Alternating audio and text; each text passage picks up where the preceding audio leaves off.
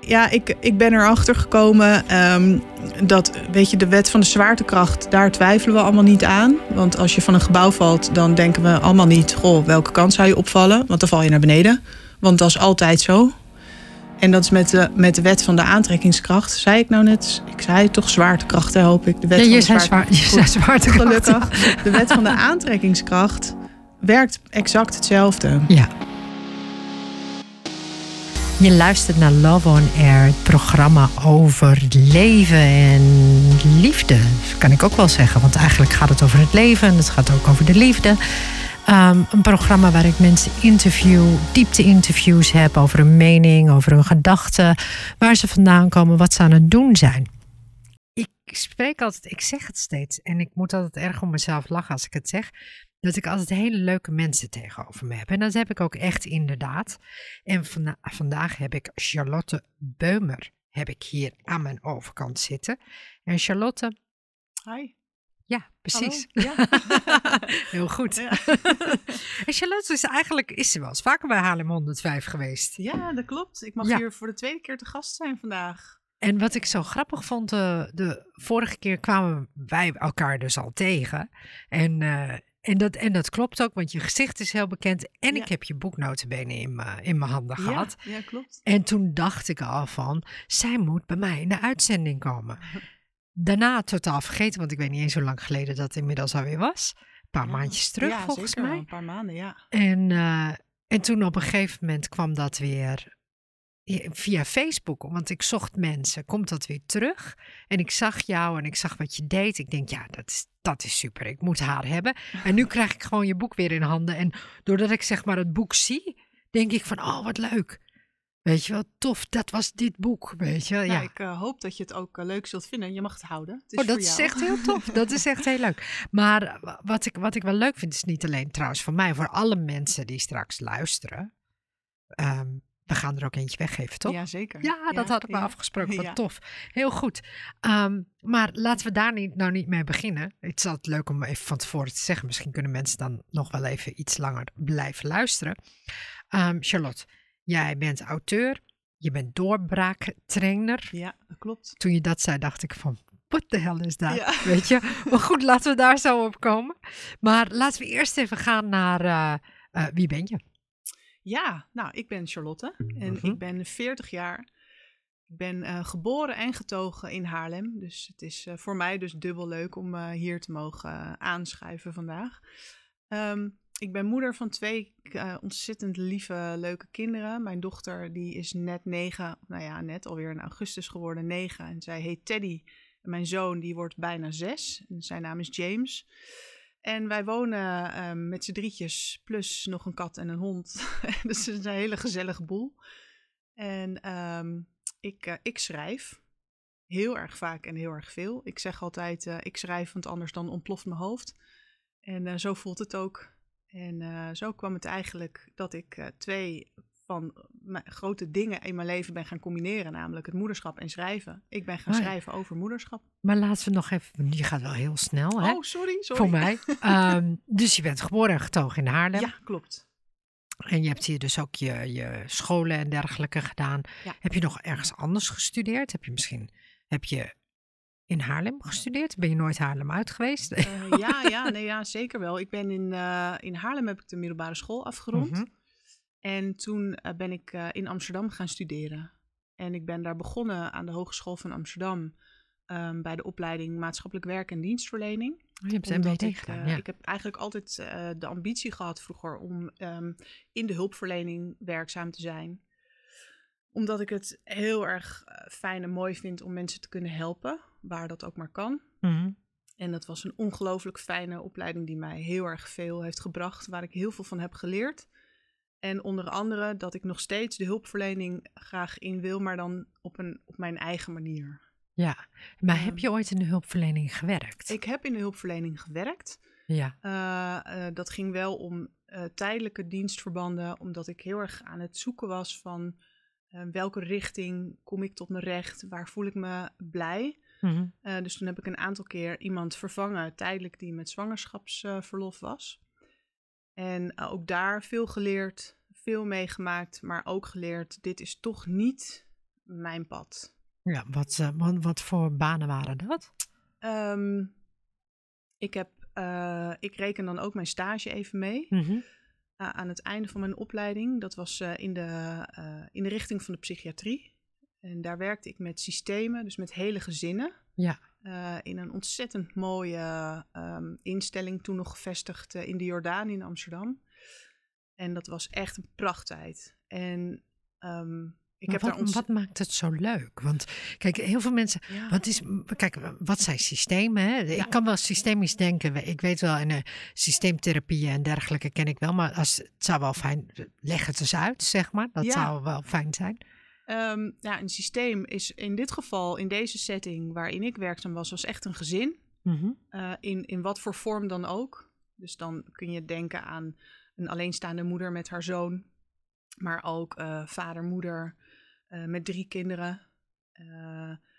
De instelling zoals die er toen uitzag, want we hebben het alweer over een tijdje geleden. Dus ik weet, er is natuurlijk veel Mhm. verandering altijd gaande in de hulpverlening. Ja. Maar toen der tijd was dat een instelling waarbij er um, dagdeeltijdbehandeling plaatsvond. Dus mensen die woonden in hun eigen huis, op hun eigen plek. En die kwamen één of twee dagen per week of soms drie naar de instelling. Mhm. En er waren ook mensen die daar ook echt een tijdje woonden. Intramuraal noemen ze dat. En Ja. die eh, werden daar echt een tijdje opgevangen. En daar werkte dus een multidisciplinair team. Uh, die dus uh, zich allemaal op hun eigen vlak van expertise konden bezighouden met dat systeem als middelpunt. Ja. En eigenlijk, uh, ja, wat, wat ik soms toen wel eens hoorde was: hier is mijn kind en het vertoont uh, ongewenst gedrag. Uh, wij, wij brengen het, we leveren het af en fix het maar. Ja, en zo werkt dat natuurlijk niet. Want Nee. een systeem is onderhevig aan allerlei patronen en aan allerlei dynamiek. Um, dus daarom werd ook het, echt het hele systeem uh, bekeken en, en hulp verleend waar dat kon. Mhm. En dat vond ik echt prachtig. En, Ja. en tegelijkertijd um, gaf het me ook het inzicht dat, ik, dat dit niet was wat ik wilde, omdat ik um, erachter kwam dat mensen pas geholpen kunnen worden als ze dat ook daadwerkelijk willen. Als ze dat zelf willen. Dat is En- een, uh, een hele Maar was grote dat factor. daar dus ook zo'n groot, grote factor? Want het- dat, het lijkt ook soms wel, sommige mensen die dan in de psychiatrie terechtkomen, is het som, lijkt het soms niet helemaal. Weet je, misschien kunnen die niet goed voor zichzelf misschien een beslissing maken, of misschien wel. Ik, ik weet het niet hoor. Ik, ik eh, doe niets met psychiatrische patiënten, maar Mm. ben wel benieuwd, zeg maar. Ja. ja, er zijn ontzettend veel eh, vormen van hulpverlening binnen Mhm. dat veld alleen al. Eh, ik zal mezelf ook zeker niet als een expert benoemen in dat vlak. Simpelweg heb ik die status niet. Ik heb Mhm. alleen dit beetje ervaring. Ehm, op basis waarvan ik weet dat, ehm, ja, dat de wil om geholpen te worden echt wel ten grondslag ligt aan daadwerkelijk geholpen kunnen worden. Ja, ja. Je, je kent vast de uitdrukking eh, wel eh, aan een dood paard trekken. En dat bedoel ik met alle respect, eh, uiteraard. Hm. Maar ehm, als mensen niet willen, dan kun je als hulpverlener echt alles uit de kast halen wat je in je hebt. Eh, maar als mensen echt structureel weigeren of daar zitten aan de andere kant van de tafel omdat ze dat moeten, ja omdat er druk niet. wordt uitgeoefend vanuit bijvoorbeeld een andere instantie, ik zeg maar wat.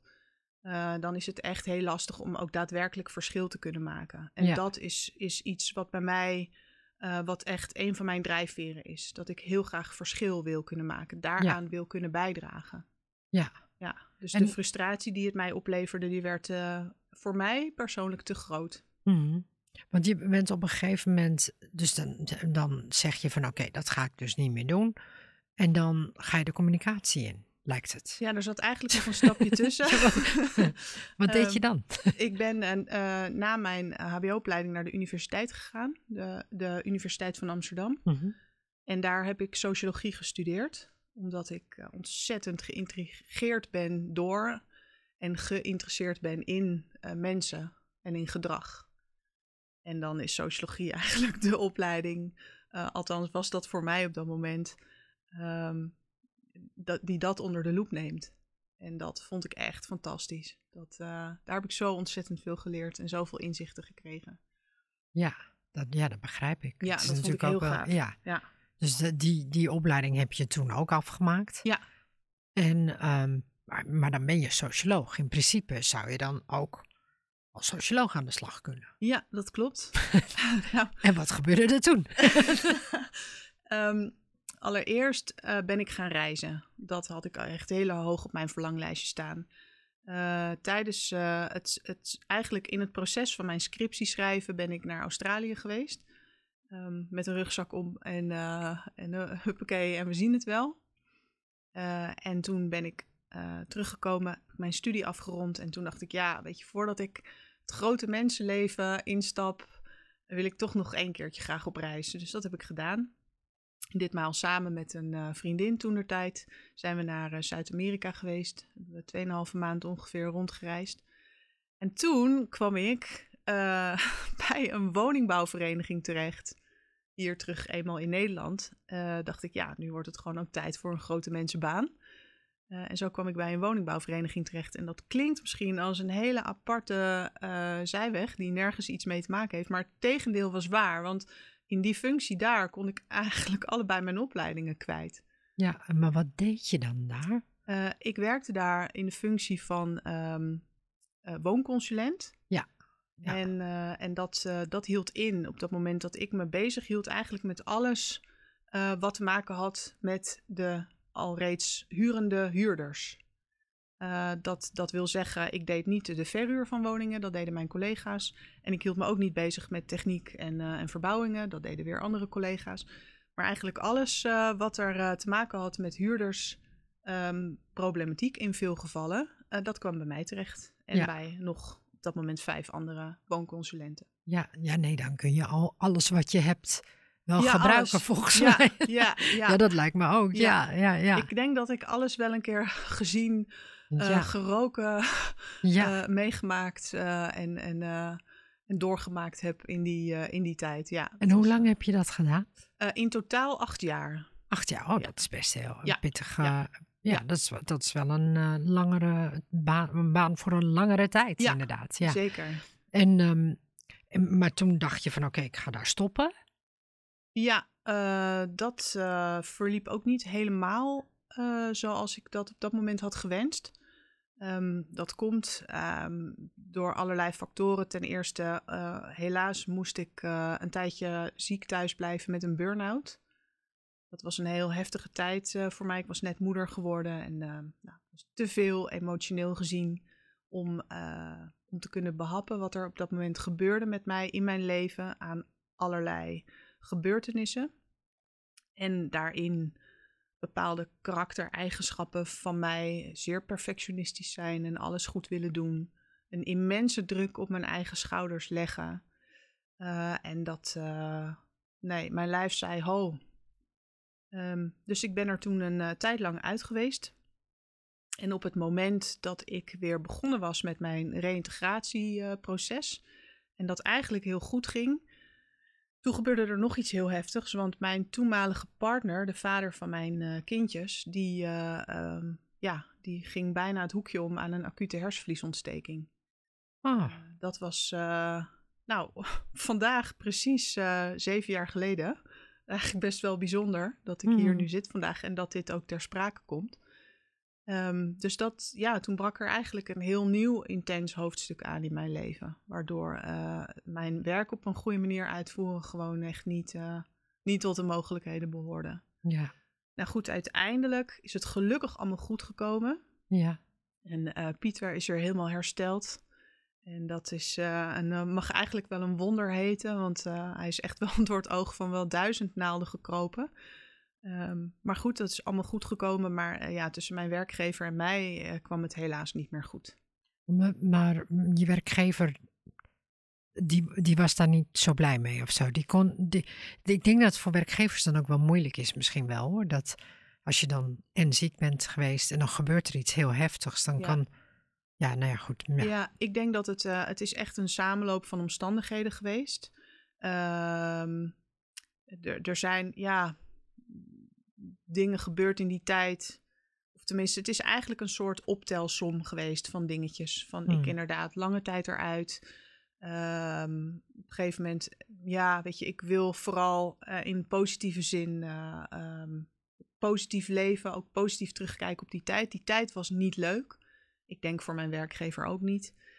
Ehm, er zijn uh, dingen gebeurd waarvan ik achteraf kijkend ook denk, ja, dat, dat was gewoon niet goed. Het was, het was goed voor mij om, het was goed voor ons om onze wegen te laten scheiden. Ja. Ik denk dat ik, uh, dat ik dat een mooie, ja. mooie manier vind om dit onder woorden te brengen. Dan heb je het mooi gezegd, denk ik. Want het is altijd zeg maar moeilijk voor een werkgever in werkgever werk, want die werkgever wil jou graag aan het werk hebben omdat hij gewoon denkt ik betaal door. Ja. Dus ze moet gewoon aan het werk. Ja. En jouw situatie is op dat moment heel anders. Ja. Dus het is heel moeilijk om te ja, om dat bij elkaar te brengen. Ja, ja. dat klopt. En uh, um, ja, het, ik denk dat het tijd was voor ons ook om afscheid van elkaar te nemen. En uh, ik denk ook, ik geloof ook echt dat er wat dat betreft, ik geloof ook absoluut niet in toeval ik denk dat dingen gebeuren zoals ze moeten gebeuren. Ja. En ik, ik vraag me af of ik, als onze relatie hè, tussen mij en mijn werkgever goed was gebleven, vraag ik me af of ik mijn comfortabele plekje daar uit mezelf zou hebben opgegeven om voor mezelf te beginnen. Ja, dat is ook altijd een mooie vraag, hè? Ja. Want dit, dit, dit soort dingen gebeuren natuurlijk heel veel mensen. Die jou, uh, wat, wat je zegt, een burn-out, gebeurt meerdere mensen. Ja. Uh, mensen die weggaan van, van hun plek om, op een bepaalde manier. En inderdaad is de vraag maar van, goh, weet je, zou je daar, was je daar ook gewoon, ja. wat, wat had je gedaan als je daar langer was gebleven? Was je, had je gedacht, ik ga, want ga nooit weg, want daar zit eigenlijk meteen iets anders onder. Dat, daar zit onder dat je eigenlijk zegt van, het is eigenlijk maar goed geweest. Ja, ik uh, ben daar echt van overtuigd. Ja. En uh, het, het was... Uh, het was een zeer, het was geen leuke tijd. Hmm. Uh, uh, maar ik denk wel dat ik er, ik kan nu ook echt de mooie dingen zien. In, in ik, ik heb een tijd gehad, ja, dat ik toch wel gevoelens van verbittering had en ook wel van boosheid en ook van verdriet en eigenlijk al die dingen die met rouw komen, hè, want het is eigenlijk toch een soort rouwproces geweest. Um, want zo wil je natuurlijk niet vertrekken. Ik heb uh, met een heleboel collega's ontzettend fijn samengewerkt. En het allerleukste is natuurlijk als je op een gegeven moment zegt: Ik sla een andere weg in. En je neemt op een prettige manier afscheid. En je gaat ja. mooi uit eten met elkaar. En je ja. Praat over dingen. En daarna neem je afscheid in vreugde. Dat is natuurlijk het allerleukste. Ja. Um, en zo is dat in mijn geval niet gegaan. Uh, en dat is in zekere zin spijtig. En aan de andere kant had ik misschien die, die knal uh, van dat conflict uh, nodig om, om een soort van kickstart te krijgen. Want wat, want wat deed dat met je? Want toen op dat moment, toen, toen je zeg maar met je werkgever zeg maar uit elkaar ging, laat ja, maar zo zeggen. Ja. Wat, wat, wat, wat, wat gebeurde er toen bij jou? Had je zoiets van, oké, okay, nu moet ik wat doen? Of nou, nu moet je niks doen? Of uh, wat, uh, nu wil ik zoeken naar wat ik echt kan? Of ja, wat ging je doen? ik, wat, ik, wat ik voelde, ik voelde me verdrietig. Mm -hmm. uh, ik voelde me ook in zekere zin wel afgewezen. Want ik voelde mij op dat moment nou, ook wel tekort gedaan, denk ik. Eigenlijk al dat soort gevoelens van... Ik voelde me ineens zo'n nummertje. Ik voelde me ineens een dossier in plaats van een mens. En dat is ook wel mooi dat je dat vertelt. Dat je zegt. Want er zijn ook heel veel mensen die dit niet eens kunnen. die dit niet onder woorden kunnen brengen. Weet je, die, die dat tekort gedaan en dat, weet je, een, een, nummer, dat je gewoon maar iemand bent die makkelijk te, te, weet je, dat er altijd iemand anders is voor jou, weet je, ja, dat zijn allemaal hele rare het voelt slecht, vooral als je acht jaar ergens hebt gewerkt. Ja, het Voelt, uh, dat voelt inderdaad echt, echt serieus heel vervelend. Hmm. Um, en ik ben nu ook wel, we hebben het over 2015, dus we zijn al wat verder in de tijd. Uh, en ik kan nu ook heel goed zien hoe goed het voor mij is geweest. Alleen uh, ja, toen, hè, als je ergens middenin zit, is het soms gewoon heel lastig om te zien, uh, ah, hier kom ik uit. Als je ergens middenin zit, dan kan het echt voelen, wat het ook is, kan het mm. echt voelen alsof het nooit meer voorbij gaat. Um, en, en ik kon ook absoluut niet zien wat dit me in vredesnaam zou kunnen brengen. En ik heb heel lang echt ontzettend in de weerstand gezeten. En, hoe, misschien ook- Wat, wat was dan die weer? wa- Ja, wa- wat, wat deed je dan? Wat bedoel je met die weerstand? Was het van dat je boos was? Of dat je... ja. Ja, wa- wa- of hoe had dat voor jou, zeg maar... Hoe zag dat er voor jou uit? Ik, eh, ik denk dat ik. Ik voelde. Het was ook een soort shock, denk ik. En ehm, eh, om, om de, de dingen die er gebeurden, die er gezegd werden. Want eh, ja, het is zelfs tot aan de rechtbank eh, gekomen. Mhm. Eh, de verharding die, die, die, die plaatsvond. met, ik heb het me heel persoonlijk gemaakt, laat ik het zo zeggen. Ik heb het me heel erg persoonlijk aangetrokken. Ja, ik vind het ook altijd moeilijk met dit soort dingen van hoe kan je het dan anders doen hè, dan persoonlijk? Want ehm, ik heb zelf ook wel wat, een aantal dingen meegemaakt met, met werkgevers. Ik ben zelf ook werkgever eh, geweest. En eh, dus ik heb ook de andere kant meegemaakt. Ja, En eh, dus het is, het is heel interessant om te zien. Want als je aan de, aan de, als werknemer staat, dan is het best wel, ja, dan kan het heel vervelend voelen. Maar als werkgever ook, want je wil gewoon door. Hè? Dus, dat, dus het is een hele, ja, is allebei de, zijn heel interessant, laat ik het zo ja zeggen. en, en je vroeg Ja. net van hoe zat dat met die weerstand? Ja. Dat vind ik een mooie vraag. Ik denk nu, jij dit zo, nu ik jou dit zo hoor zeggen, denk ik, ik denk dat ik toen ook gewoon niet bereid was om, dat, om het in te zien, om het in te willen zien. Zo van, dit gaat mij iets moois brengen. Of ehm, zij hebben ook een kant van het verhaal. Of weet je, dat soort aspecten. Ik denk dat ik daar op dat moment ook gewoon niet voor open stond. Ja. Ik had natuurlijk heel veel eh, voor me kiezen gehad in de, in de tijd daaraan voorafgaand. Want ja, je staat niet zomaar op Ja. deze manier op gespannen voet met elkaar. Er gaat natuurlijk heel wat aan vooraf. In mijn geval. Mhm. Ik was net voor de tweede keer moeder geworden, maar echt ook echt net. Want ja, je moet je voorstellen, ik was net zes weken eh, moeder van de tweede. En toen eh, was mijn eerste uitje van mijn kraambed was de rechtbank.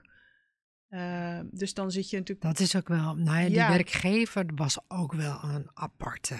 Dat was ook wel heel apart. Nou ja, goed, want ja, nee, dit, dit zouden werkgevers niet zo. ehm, ja, en ook als je het naar, helemaal naar de rechtbank brengt.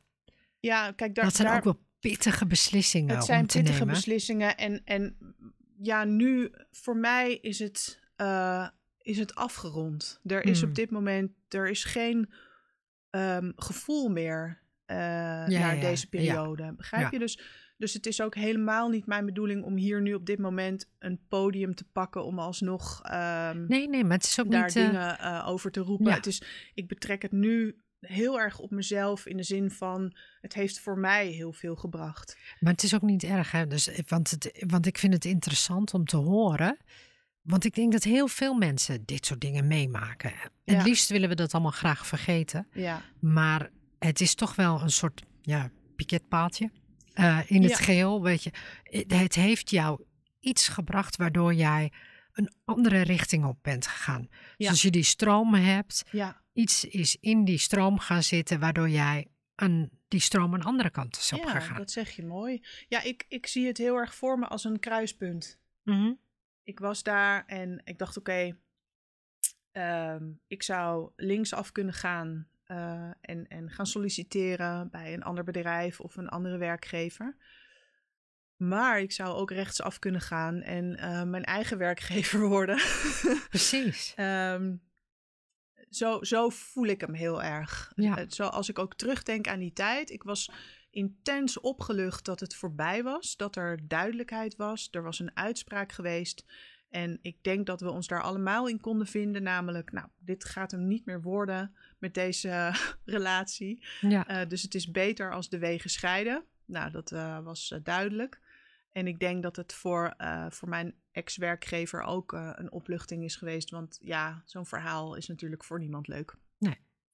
Eh, en ja, ik moest natuurlijk wel even enorm bijkomen van alles. Maar toen dacht ik, nee, ik, ga, ik kies toch voor rechts. Ik kies toch voor, eh, voor, voor mezelf beginnen. Ja. En dan, dan zie ik het wel. Maar dat was best wel een hele dappere beslissing. Ja, Dank je. Met twee kinderen. Ja, dat was eh, ook doodeng eigenlijk. Ja, Ja. Ik, ik geloof niet dat mensen begrijpen hoe eng het is om voor jezelf te beginnen. En vooral in deze situatie. Want Ja. soms is het echt veel makkelijker om gewoon weer te gaan solliciteren. In een baan te zitten, maandelijks je geld te krijgen. Ja, Dan, ja, zoals jij nu hebt gedaan, om echt voor, je, voor jezelf te beginnen. ja. Ja, dat, dat klopt. En het is met allebei het is, natuurlijk niets mis. Ik bedoel, ik denk dat je vooral heel erg moet kijken van nou, waar voel je jezelf het fijnst bij. Ja, ja, tuurlijk. En, eh, en loondienst heeft wel vaak gelonkt in de afgelopen jaren. Want Nou, loondienst echt, is, eh, is super. Uit het moment dat je een leuke plek kan vinden, Ja. is het echt fantastisch. ja, en, dus dat, en, eh, het is niks, niks, nee. niks nadeligs aan of zo. Nee. Maar daarom is het dus ook zo dapper dat je hebt gekozen voor iets wat je zelf helemaal moest. Dankjewel. Ik vind het Ja. heel lief dat je dat zegt. Ja, Maar ja, vertel erg, eens eh, over die weg. Weet je, wat, wat gebeurt er dan? Nou, die weg, die, voor eh, ja, ja, die weg, die weg is eigenlijk nog elke dag nog gaande. En ehm, eh, ik, ik kan me, dit, dit vind ik altijd zo'n mooie herinnering om te vertellen. Ik kan me namelijk nog heel erg goed herinneren eh, dat ik zes jaar was en in de, eh, in, in, in de eerste klas zeg maar, van de basisschool leerde eh, schrijven. En hoe ik, ik heb echt oprecht gedacht, eindelijk. Serieus? Ja, het was alsof er een soort enorm geheime wereld voor me werd ontsloten op dat Ja. moment. En, en grappig genoeg kan ik me ook nog herinneren hoe intens teleurgesteld ik was toen ik s'avonds dus niet de ondertiteling van een Engelstalig programma weer meteen kon volgen. Met zes. Oké, Met heel mijn goed. ABC, ja precies. ik dacht, ah, we, nu gaan we van start, dat gevoel. En eh, ja, sinds ik het kon, heb ik altijd geschreven. Altijd. Over alles. En, eh, en schrijven is voor mij eh, eigenlijk als ademhalen. Ik, ik denk er niet bij na. Het komt gewoon. Ik, ik ga naar een bepaalde plek. Klinkt heel gek. Ze, ze zeggen ook wel eens dat alle schrijvers een beetje gek zijn. Ik denk dat dat ook wel klopt in Ja. zekere zin. Want ik ga zitten en ik, ik ga. Ik tune ergens op in. En er komt een verhaal. Er komt iets wat door mij heen wil. Er komt iets wat verteld wil worden. En dat is magisch. Dat is Maar dit, wa- wat je nu zegt, ik heb hier namelijk best wel wat schrijvers gehad. ja, dat Ze zal. zeggen inderdaad wel ongeveer allemaal hetzelfde. Het is, nooit, het is altijd in een soort flow zitten. Ja, ja. Ja. ja. en dat is echt eh, fantastisch. En, en ik weet nog, ik heb, eh, ik heb ooit heel graag aan de Nijmeegse Vierdaagse mee willen doen. Daar trainde ik veel voor. En dan tijdens het wandelen, vooral met langere stukken, raakte ik echt bijna in een soort trance.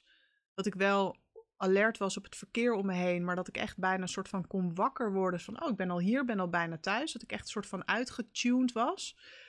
En dat is met dit schrijven ook. Dan, dan, dan schrijf ik en dan lees ik dat later terug. En dan denk ik, oh ja, ja. Ja, dat heb ik geschreven. Ja, wat, eh, wat apart eigenlijk. Dat is niet altijd zo, want ik schrijf ook in opdracht voor mensen. Dus dat Mhm. kan ook echt wel zakelijk stuk zijn. Of iemand die zegt, eh, ik heb tekst nodig voor mijn website, kun je me helpen? Dat werkt net even anders natuurlijk. Want dan Ja. schrijf ik op, op de wensen, op maatwerk voor iemand anders. Maar als ik zeg maar vrij schrijf, en dan kan er eigenlijk van alles gebeuren. Oh, dat klinkt. eh, Maar ja. wat ik, ja, je vroeg naar de weg. Ja, die, die weg, die. ehm, ja, ik kon me gewoon niet voorstellen dat ik hier geld voor mocht vragen. Voor mij is het zoiets dagelijks, iets normaals. Ik voelde me ook eh, bezwaard daarover. En eh, dus ik, ik, eh, ik werkte in het begin en dan kreeg ik gewoon helemaal niet betaald. Ik vroeg ook helemaal niet om geld. Dat- ik deed dat gewoon, want dat wat, doe ik. Wat, wat, de- wat deed je dan, zeg maar? Ja, Dus dan schreef je een website tekst of zo voor iemand? ja bijvoorbeeld. Ja. En, of sollicitatiebrief, of daar hielp ik bij. Ja, het kon eigenlijk van alles zijn. Ja. En dan, dan dacht ik, oh, wat fijn dat ik je kan helpen. En, en kijk, dat kon toen ook. Ehm, de vader van mijn kinderen en ik waren toen nog samen, inmiddels niet meer. Eh, maar hij had een, eh, een fulltime baan in loondienst. Dus dat kon ook wel eventjes of zo. We waren niet op dat moment niet geheel afhankelijk van twee eh, binnenkomende salarissen. Eh, dus ik kon ook het me permitteren om, om dat op te bouwen. Alleen ik kwam op zeker moment wel tot de conclusie van ja, eh, het wordt wel tijd om, eh, om daar wel eh, echt een inkomen uit te gaan halen nu. En dat vond ik gewoon heel erg spannend. En, en- Maar wat en- was er dus zo spannend aan? Leg me Nou- dat uit. Ik, ik weet wel wat er zo spannend aan is. Voor ja, Ik ben ja. zelf nu inmiddels drie jaar ook zelfstandig ondernemer weer. Maar nee, ja, dat klopt. Ja, Ja. Wat, wat is er zo spannend? Ja, vooral wat ik heel erg spannend vond, het mezelf zichtbaar maken. Dat voelde zo kwetsbaar. Dat je dan zegt, hier ben ik, dit kan ik, ik ben er goed in, mij moet je hebben. Maar dit is dus precies, denk ik, wat het allermoeilijkste is. Ja. Want ehm, heel veel mensen denken, wa- want ik ben ook drie jaar geleden of zo ben ik begonnen met filmpjes maken. En ik weet het eerste filmpje dat ik maakte, gewoon op mijn telefoon. Ja, Ik geloof dat ik 50 takes heb gedaan. ja gewoon omdat ik gewoon het, weet je, en ik heb heel vaak voor groepen gestaan. Maar die, dit, dat zeg maar zelf op Facebook zetten of zelf op, weet je, gewoon laten zien van dit gaat over mij in plaats van over iets anders. Ja. Dat was echt dat ik dacht van wow, wat een, Ja. wat een enorm, ja, ik vond het heel, heel moeilijk. Dat Ja. weet ik wel, ja. Dat- heel, ja, dan, je snapt het. Ja, het is eigenlijk eh, zoals het voelde, ben ik eigenlijk zeg maar op mijn zolder gaan zitten met alle gordijnen dicht. Dus Mm, Even spreekwoordelijk gezien. Ja. En daar ben ik een winkeltje begonnen in echt wel hele toffe dingen. Maar ik ben vooral geen reclame gaan maken. En als er dan al iemand per ongeluk mijn winkeltje wist te vinden, dan schrok ik me echt eh, helemaal de tandjes. En dan zei ik, ga maar naar de buren, want wat zij hebben is veel mooier. Ook bang om te falen. ja. Bang om, om, eh, ja, Maar om is door de nou, man te vallen of zo. maar Charlotte, is dit een vrouwending? Ik denk wel dat... Want Dat- eh, dat- alle vrouwen die ja. ik hier spreek, en ik spreek Ja. veel vrouwen, Ja. meer, meer vrouwen dan mannen hier.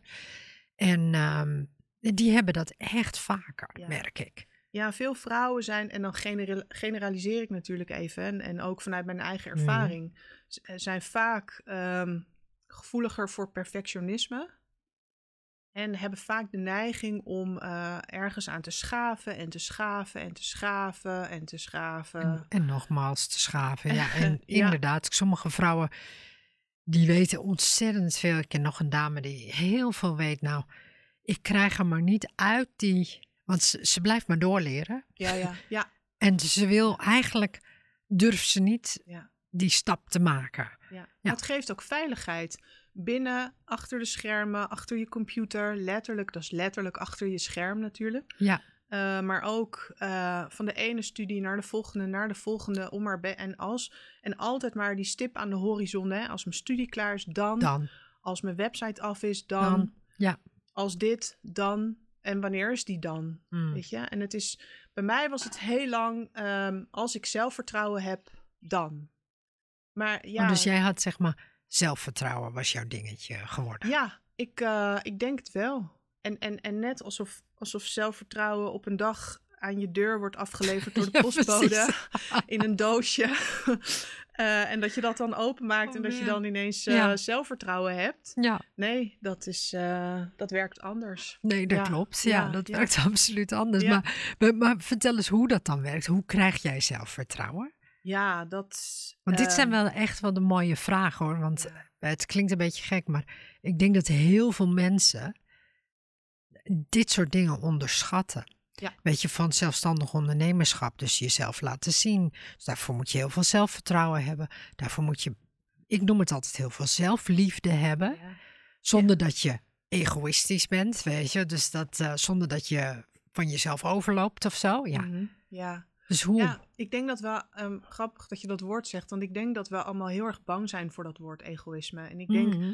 ik vind egoïsme, eh, ja, natuurlijk als dat eh, doorgeslagen is en het wordt een soort ikke-ikke en de rest kan dan wordt het een soort narcisme, narcisme weet je. Maar dat is wel Maar er zit nog Heel een hele grote stap Ja, voor. Ja, ja, je zegt het eigenlijk al. Je beeldt het Ja. ook uit. En ik word daar heel blij van, want we zijn zo bang om, eigenlijk zo bang, punt. Bang om gezien te worden, om beoordeeld te worden, Ja. om veroordeeld te worden. Ja, maar dat is natuurlijk ook best wel vaak gebeurd. Ja, Ik bedoel, jij, jij, het is niet zozeer. Kijk, het feit dat je zegt zelfvertrouwen, dat, dat, dat, dat wilde ik krijgen. Ik denk, toen jij twee was, had je genoeg zelfvertrouwen. Toen je Ja. vijf was, had je genoeg zelfvertrouwen. En Ja. ergens Ja.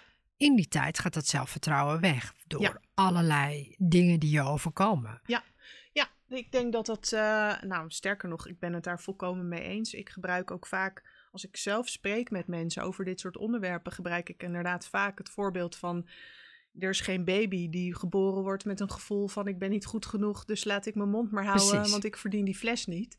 Precies. Prachtig dat je dat zegt. En Ja. ergens gaandeweg de tijd, of dat nou is op je vierde, je achtste, welke leeftijd dan ook, of dat nou komt door je ouders, de buurman, kinderen uit je schoolklas. Ja, maar op een gegeven moment kun je ook niet meer al die dingen de schuld geven. Maar het is inderdaad, Nee, ja. maar ergens, nee, het Ja. gaat, nee, klopt inderdaad, maar de- het gaat meer om, om ehm, de, de, de zaadjes die geplant worden en die jij gaat geloven als waarheid. Ja. En eh, als, als voormalig pestslachtoffer kan ik eh, echt uit ervaring spreken dat gepest worden ontzettend veel ondermijnend, Hmm, ontzettend ondermijnend werkt Ja, eh, voor een heleboel dingen. Maar goed, zo zijn er een heleboel gebeurtenissen en aanleidingen die kunnen maken dat jij ergens gaat geloven in, sorry voor het woord, maar bullshit overtuigingen die gewoon helemaal niet waar zijn. Ja. En ehm, als jij, eh, ja, het begint echt met zelfliefde. Ik ben blij dat je dat woord eh, net al noemde. ja, Want daar begint het echt mee. En we zijn zo bang om egoïstisch gevonden te worden. Of om voor onszelf te kiezen. Of om dat stukje zelfliefde voor te laten gaan op iets wat iemand anders op dat moment nodig heeft. Of wat wij denken dat iemand anders nodig heeft. Veel mensen zijn ook enorm druk met invullen wat Ja. dat betreft. Ja, als we, als we, we zeg ik, ik zeg we, ik weet eigenlijk niet zo goed wie ik bedoel. Vrouwen of mensen in het algemeen. Ehm, als we ons daarvan zouden ontslaan, van dat soort taken, om het perfect te doen, om altijd voor iedereen te zorgen en onszelf op de laatste plaats te zetten. Ja, echt, wat een, wat een krachten komen er dan vrij. ja, dat idee heb ik ook. En want, want je zei zelfliefde. Hoe zou jij voor jou zelfliefde omschrijven? Zelfliefde begint simpelweg met dat ik kan zeggen, ik hou van mij. Ik moet altijd denken aan dat liedje van Harry Jekkers. Ken je dat? Nee, Oh, dat is zo prachtig. Het, heel, het heet ook Ik hou van mij. ik hou van mij. Ik hou van mij. Harry ik ga, op, ik ga het zo Het is opzoeken. echt een aanrader. Het is, het is zo mooi en zo zitten toch leuk. op de radio. We kunnen dat soort Ja. dingen kunnen we gewoon opzoeken. Ja, ga door. Ehm, daar, daar moet ik altijd aan denken. Dat liedje is zo fantastisch. En, maar goed, ehm, dat zijn woorden die ik echt heel lang echt mijn bek niet uitkreeg. En, ehm, en toen ik zelf moeder werd. En kijk, in het begin, zo'n baby, ja, dat, dat heeft vooral natuurlijk eh, basiszorg en ook heel veel knuffels nodig. Maar het echte opvoeden en met woorden en dat soort dingen. Op het moment dat dat voor mij dat moment aanbrak, raakte ik heel erg geconfronteerd met het feit dat ik op dat moment eigenlijk helemaal niet zoveel van mijzelf hield. Maar hoe, hoe wist je dat dan? Omdat ik mezelf zo uitputte en Hmm. zo bezig was met het moet perfect. Kijken hoe de anderen dat doen. En ik faal. En ik doe het allemaal niet goed Hmm. genoeg. Ik ben geen leuke moeder. Eh, andere kinderen lachen altijd. ik zit met mijn hoofd te schudden, maar dat is Dat natuurlijk helemaal niet zo. Nee. En, en we leven in een tijd, weet je, social media heeft iets heel prachtigs. En ook ehm, ja, een, een uitdagender kant. Want het gras lijkt altijd zo groen bij de buren. Maar En altijd diezelfde, altijd die leuke foto's van mensen. oh man. Als je één keer eens een niet leuke foto. Ik had een paar jaar terug had ik een, een ontstoken oog. dus dan had ik één. Ik had een foto van mijn oog gemaakt. Zo'n dik oog. Ik weet niet hoeveel mensen mij persoonlijk een bericht hebben gestuurd van dat je dat op social media Ja. zet. Ja, Dacht je, ik, ik zit hier. Ik, ik zat namelijk in een hotel ergens eh, ver weg. Ik kon het hotel niet uit, dus ik was een beetje ja, uh, was maar aan het vervelen, Ja. laat ik het zo zeggen. Dus ik denk, nou, het oog, Ja. ik ga- ik ga dat soort dingen, weet je, ga ik delen, weet je. Maar ja, dat was niet, weet je, mensen willen heel graag gewoon zien dat het leuk is, dat Ja. het goed gaat. ja, Weet je, kijk hoe ik eruit zie. En eh, ja. Ja, en dat kan heel erg. En weet je, het maakt echt niet uit waar je voordeur staat. Of die nou een villa in Aardenhout of ergens driehoog achter. Ehm, baby's huilen. Die zitten tot hun nek onder de poep. ja, Ehm, gebeurt. Die hebben driftbuien. Nou, baby's dan nog niet, maar echt, die gaan nog komen. Ja, En dat wil echt, dat zegt helemaal niets over jouw moeder of vaderschap. Want vaders doen natuurlijk ook heel erg mee in dit Ja. Ehm, en, Alle en- mensen zonder kinderen kunnen zich dit trouwens niet voorstellen. Alle mensen Ja. met kinderen die kunnen zich dit wel voorstellen. Ja, ja. precies. Want het gebeurt. Gewoon echt. Minstens één keer heb jij een spartelende peuter onder je arm. Ja, En misschien wel tien keer, misschien wel honderd keer. you don't En know. dat hoort er gewoon bij. Ja. En, ehm, en het lijkt wel alsof we een soort, ja, de balans lijkt weg in het delen van, van, wat we laten zien. Eh, en, en, en ik bemerk gelukkig ook wel, als je kijkt naar social media, echt wel een kentering daarin. Hè? Het echt wel een Mhm. omslag. Want er zijn ook nu steeds meer mensen, meer ja, influencers, die ook eh, de rolletjes laten zien, de love handles laten zien. Of die ene, Ehm. ik weet niet of je die ene vrouw kent. Die, dat, zei ze Engels, geloof ik ik. denk dat ik weet wie je bedoelt. die, ja. die, die, die zeg maar van die modellen die dan zeg maar met hun been op een koelkast of zo staan, weet ik veel. En dat zij dat dan na gaat doen of dat ze met een fladderende jurk. haar, ja. ik vind het zo, het is zo funny. Celeste Barber heet ja, ze. ik weet, ja, precies. Nou, En, eh, Celeste Barber, ja, dat is gewoon echt heel grappig hoe zij dat doet. Ja, En je ziet ook hoe verschrikkelijk vaak daarop gereageerd wordt. En, Ja. eh, want die, die echte, die modellen, die zijn natuurlijk bijna buitenaards als je dat, als Nou je ja, dat nee, ziet. het is natuurlijk ook allemaal, ge, eh, weet je het, het is allemaal geëdit. Ja, Weet je, het, het wordt, wordt gemaakt Ja. en daarna wordt het daarna ook nog eens online wordt het ook nog, worden Ja. ook nog allerlei dingen weggeëdit. Ik bedoel, niet, niet ze- zeggende dat die vrouwen niet knap zijn, maar, ehm, of die mannen, ehm, Mhm. maar toch, het is, Ja. ja. Ja, en dat, dat, maar dat kan heel erg als je, als je inderdaad niet van jezelf houdt en niet overtuigd bent van dat jij goed genoeg bent. ehm, dan worden dit soort ja, dan, dan mediabeelden. raakt dat. Ja. En weet je, het, het is een beetje als jij eh, gaat fietsen, eh, ik zeg maar iets, en, en je, je fietst, je kan echt goed fietsen, hè? Je fietst over bruggetjes en je kan het echt goed. Ja, En ik zeg tegen jou, nou, dat fietsen, daar kan jij niks van. Dan Ik kan denk het jij beter. waarschijnlijk, nou, wat bedoel Ja. je, waar heb je het over? Want ik kan dat heel goed. maar ja, Maar als jij toch al twijfelde aan jouw capaciteit om te fietsen, en, en dan zeg ik tegen jou, maar dat fietsen van jou, eh, dat ziet er niet uit. Dan kan het zomaar zijn dat jij daardoor heel erg uit het lood geslagen raakt. klopt. En je krijgt dezelfde opmerking en toch komt die heel anders aan. Dus hoe iets bij je aankomt, zegt echt, echt alles over, over Nou, ik denk jouzelf. dat je, dat, je Ja. dat ook goed zegt, ja.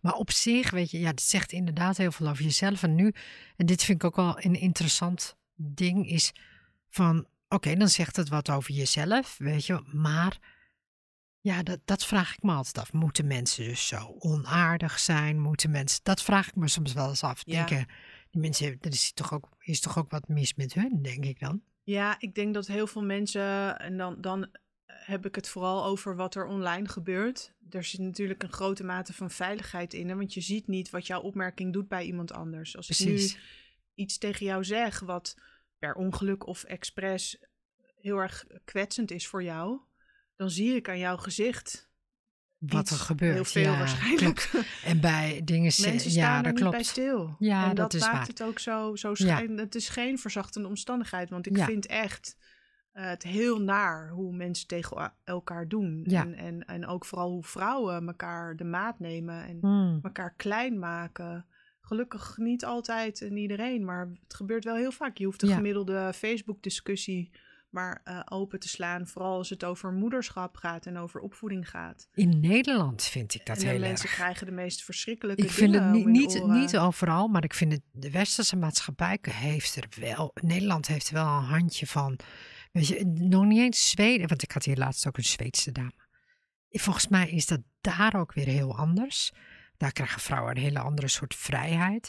Hier worden vrouwen echt aan een soort van meetlat gezet. Ik weet niet precies hoe ik dat moet zeggen. Van en je moet heel hard werken, en je moet kinderen baren, en je moet een leuke relatie hebben. En je moet, eh, je moet altijd vrolijk en slank. En Ja. weet ik veel wat Ja. wel niet allemaal zijn.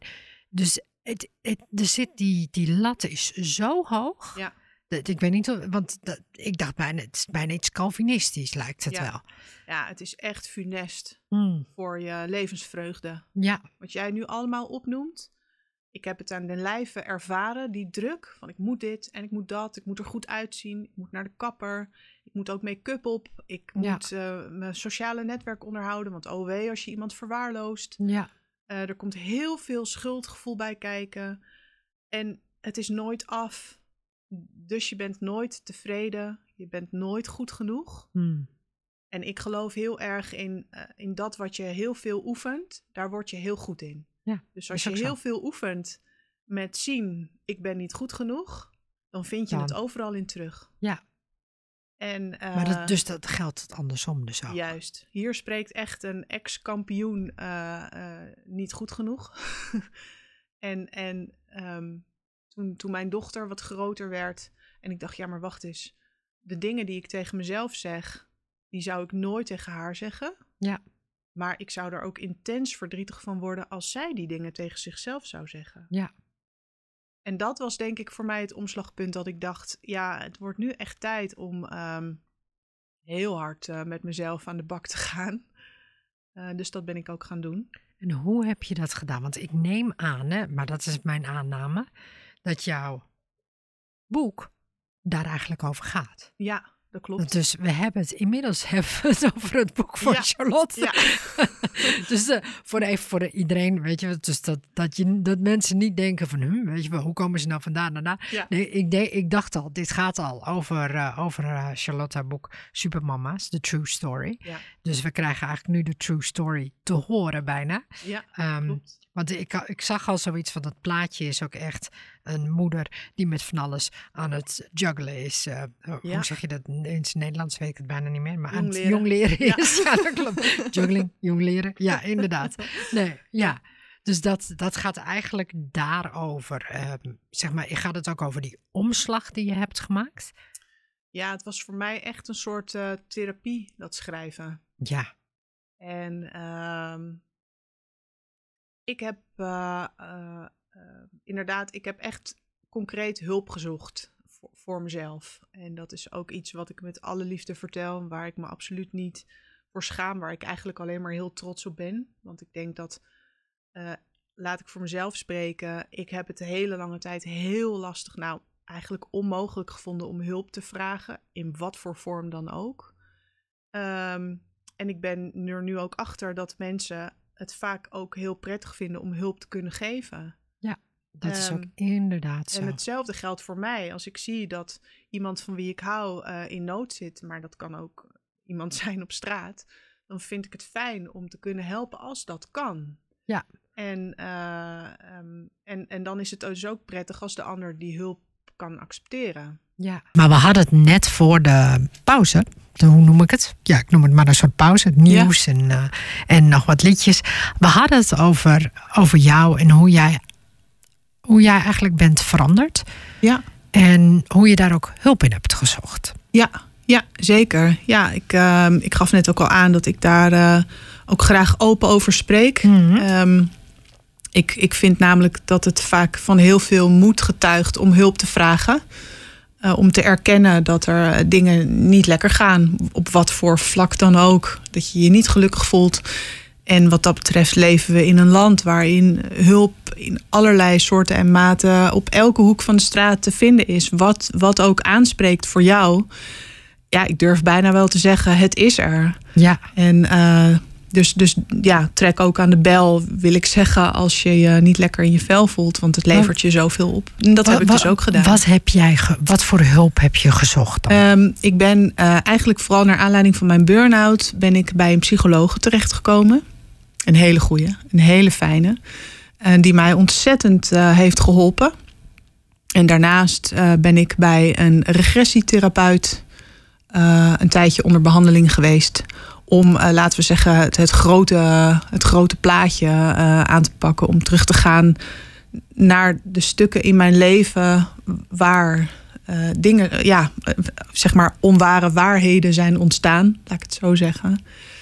En dat was voor mij eigenlijk een soort ja, twee sporen traject, wat voor mij heel erg goed heeft gewerkt. Maar eh, je bent dus, vertel eens over een regressietherapeut. Wat is dat precies? Ja, dat ik, is, ik uh, weet het wel, maar ik laat het je gewoon uitleggen. Ja, prima. Dat is iemand die, uh, ja, hij was, laat ik het echt zeggen, hij was echt een, een buitengewone man. Hij uh, leeft niet meer, maar hij was echt een expert op zijn vakgebied. Hij heeft regressie- en reïncarnatietherapie ook echt op de kaart gezet, hmm. zo gezegd.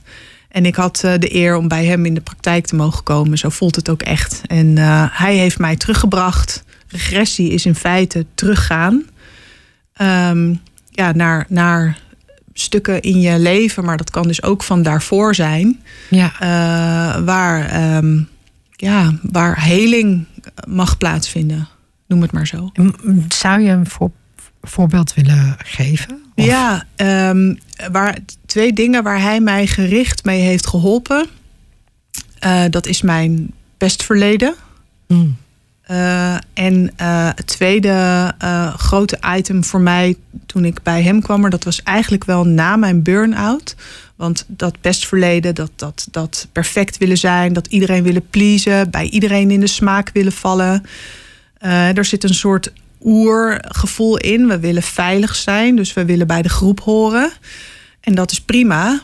Maar als je bij een groep wil horen waar je niet mee matcht, dan kost dat enorm veel energie. En, en je gaat nooit passen. Ja, je, ja zo zeg ik, zo, zo voel ik dat in ieder geval.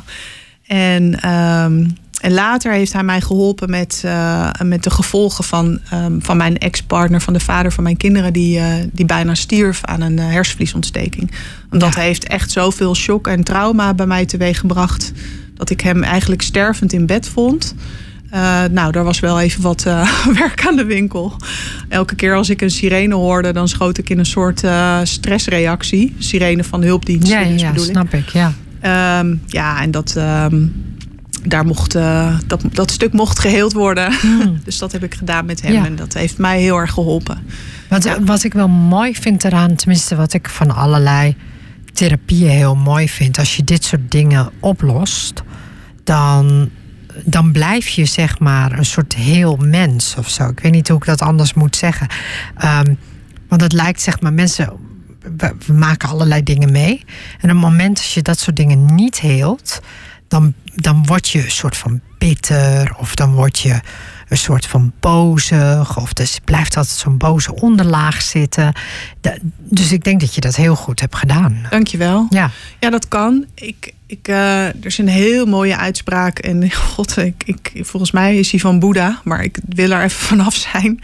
Uh, die, die zegt eigenlijk van uh, boosheid is als vergif drinken en verwachten dat de ander sterft. Ja. Um, en dat is eigenlijk ook precies wat boosheid is voor mij. Dus ik vergelijk boosheid altijd met zweet. Het klinkt een beetje gek, maar vers zweet is, uh, is prima. Hè? Dat, dat kan zelfs in zekere zin aantrekkelijk zijn. Maar ja. oud zweet, nou. Dat doe dat maar niet. Ja, precies. en zo is het eigenlijk met boosheid ook. Boos kan een heel adequate reactie zijn op ja. iets wat er op dat moment gebeurt. Iemand of iets wat over jouw grens heen gaat. Dan is boos denk ik een heel gezonde reactie om te voelen. Het vertelt namelijk iets over, over jou, over wat jij vindt en voelt op dat moment. Over jezelf ook. Maar oude boosheid is als oud zweet. Dat is Ja, uh, ja. ongezond en uh, naar en het kleurt Dat eigenlijk alles. niet, eh, ja, En nou, ik, ik, wilde dat, ik wilde dat niet. En um, ik denk, we hebben het al eerder over gehad, dat iedereen in zekere zin blij wordt geboren. Met een soort kurkje wat aan het wateroppervlak drijft. En dat dat kurkje naar beneden wordt getrokken door ankertjes. Ja. En ankertjes in de vorm van hè, overtuigingen die niet waar zijn. Ik ben niet goed genoeg, ik verdien het niet. ja. Het gaat vast allemaal mis. En ik denk dat als je stopt met vechten om dat kurkje maar omhoog te duwen. en je knipt de lijnen met die ankertjes door. dat je kurkje als vanzelf weer naar boven dobbert. Ja, dat heb je ook mooi, eh, mooi gezegd. Dank je. En het is, ja, het is waar ik de laatste tijd zelf heel erg mee bezig ben geweest. Ik geloof heel erg in eh, practice what you preach.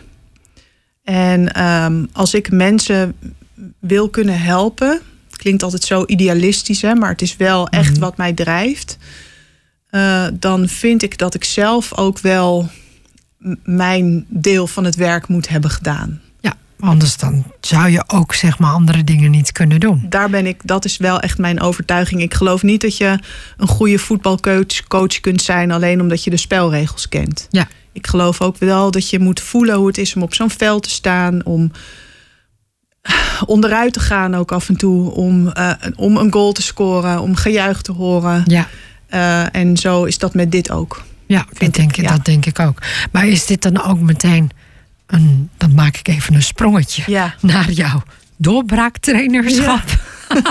ja, mooi hè? Wat is een doorbraaktrainer? Ja, ik heb, ik, heb heel lang. Dit Ja. woord heb ik geadopteerd. Dit woord voelt goed voor mij. Het is, Ja. Ik heb lang gezocht naar een term. En jij vroeg aan het begin van het gesprek: eh, wat ben je? Ja, want ik, moest, want ik dacht, ik moet je, ik moet je voorstellen Ja, hè, hier in de radioshow. Ik dacht, wat, wat zeg ik dan? Zeg ik auteur, zeg ik schrijver? Zeg, wat, wat zeg ik dan? Want je, want je bent heel vaak bezig, zag ik, met teksten.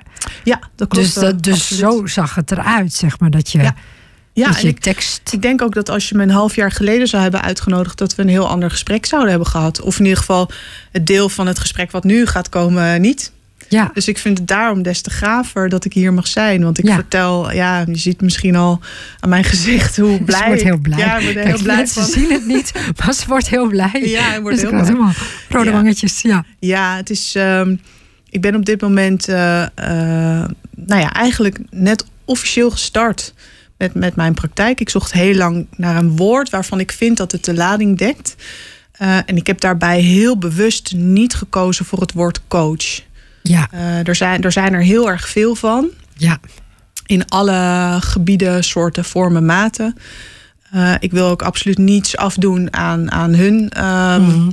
Ehm, nou ja, hè, expertise. Maar voor mij past het niet. Ik vind een coach is voor mij iemand die aan de zijlijn staat en dingen roept, bij wijze van spreken. En ik vind mezelf meer een trainer. Wat, kan je- wat doe je dan? Ja, Weet je, wat doe is, je dan? Wat is dan? Want het klinkt ontzettend leuk. Ja, het is fantastisch. Ja, maar ik bedoel, Ja. vanaf wat je doet natuurlijk. Nou, wat ik, wat ik doe met mensen is in eerste instantie ga ik kijken van waar zitten de belemmerende eh, gedachten en overtuigingen. En die zijn lang niet altijd zo makkelijk aan te wijzen als je zou denken. Want ik vergelijk dat dan een beetje. ehm althans, het is een vergelijking die ik heb opgepikt, die ik heel tekenend vind. Eh, de vergelijking is met bijvoorbeeld een vaatwasser. Als je die aanzet, dan hoor je hem de eerste vijf minuutjes en daarna wordt het een soort ruis. Ja. En het, het geluid verdwijnt als ja, het ware. inderdaad. Ja, ja, ja. En ehm, of als je naar de bioscoop gaat, je zit in een zaal vol mensen, maar de film begint en al die mensen zijn ineens verdwenen. Ja, ja. Ehm, zo werkt dat ook met, met die overtuigingen die je ergens in je leven oppikt. En die eigenlijk alles wat je denkt en vindt en voelt kleuren. Hmm. Want als je altijd zegt, bij mij zal het wel misgaan, dan is de kans dat dat gebeurt eigenlijk 100%. Ja, Want waar je om vraagt, dat krijg je. ja. Of je het nou wil of niet. Ja. Dus dan kun je beter vragen om iets wat je wel wil. Maar waar, je, waar het lijkt alsof je het over hebt, is zeg maar een soort van de law of attraction. Hè? Ja, dat klopt. Dus, ehm, ja. maar dat is voor heel veel mensen, die moeten er altijd heel erg hard om lachen. Dat mag. Die, hebben heel altijd prima. zoiets. Nee, maar die hebben altijd zoiets van jeetje, weet je wat, dat woe-woe eh, stuff. Ja, maar dat ben ik ook wel een beetje. Dus ik voel me daar geen sinds eh, door gekrenkt. maar ja, ik, ik ben erachter gekomen ehm, dat, weet je, de wet van de zwaartekracht, daar twijfelen we allemaal niet aan. Want als je van een gebouw valt, dan denken we allemaal niet, goh, welke kant zou je opvallen? Want dan val je naar beneden. Want dat is altijd zo. En dat is met de, met de wet van de aantrekkingskracht. Zei ik nou net? Ik zei toch zwaartekracht, hè, hoop ik. De wet Ja, van je de zwaar, je zei zwaartekracht. Gelukkig. De wet van de aantrekkingskracht werkt exact hetzelfde. Ja, En, en nou ja, je hebt misschien wel gemerkt dat ik hou van spreken in vergelijking. En, en nou ja, je hebt misschien wel gemerkt dat ik hou van spreken in vergelijkingen en beelden. Want dat maakt het voor mensen vaak ook een stuk makkelijker om zich in te beelden. Ik denk dan, nou, denk maar aan een restaurant. Eh, Als je, als, je je ober, als je je ober aan je tafel hebt en je bestelt een biefstuk... en die ober die loopt naar de keuken... dan weet je, er komt een biefstuk aan. En je denkt niet, goh, wat zou het worden? maar kijk, dit, dit- ik heb dit natuurlijk ook vaker gehoord, hè, dat Ja. mensen dat zeggen. Zo van, ja, weet je, je gaat naar een restaurant toe en dan bestel je dat. En dan, dan gaat zo'n ober haalt dat. Eh, begrijp ik allemaal, maar soms is het niet zo duidelijk. Nee, klopt. Dus voor zeg maar, voor mensen is het, lijkt het helemaal niet zo duidelijk. Zo van, dit is zeg maar ehm, wat ik wil. En dus dit is wat ik krijg. Ja. Veel mensen weten helemaal niet wat ze willen. Nee, dat klopt. En laat staan, weet je, waar ik vooral achter kom, is ook, ehm, dan willen mensen iets, weet je, dan zeggen ze wat ze willen. Daarna zeggen ze van, ja, maar dat is toch niet voor mij. Ik Ja. denk niet dat het me gaat lukken. Ja. Ik denk toch niet dat dat gaat gebeuren. Ja. Ik, weet je, al die dingen die er daarna komen, Ja. die dus zeg maar je bestelling Ja. niet heel maken of Ja, zo. Ik weet niet precies of dat, die, dat die ober denkt van nou, ga jij nog maar eens even nadenken over wat jij het doen bent of zo. Ik weet het niet exact, maar volgens mij zit daar een probleem met mensen. Nou, dat klopt. Je hebt de spijker op zijn kop. Dus ik vind het heel tof dat je dat zegt. Hmm. Want het is, dat is inderdaad zo. En eh, sterker nog, heel veel mensen... Want je vraagt voortdurend om dingen. Met je mensen, gedachten, met mensen je willen communicatie. de hele tijd wat. Juist. Weet je, bedoel, je, je gaat een straat door, je ziet een auto en je denkt, oh ja, zo'n auto zou ik ook wel willen hebben. Ja. Weet je, maar die gedachte meteen die daarna komt. Juist. Maar mensen zijn zich vaak niet bewust van dat, het feit dat ze altijd aan het zenden zijn. Dus mensen vragen de hele tijd, maar eh, weten helemaal niet, zijn, zijn zich daar helemaal niet van bewust.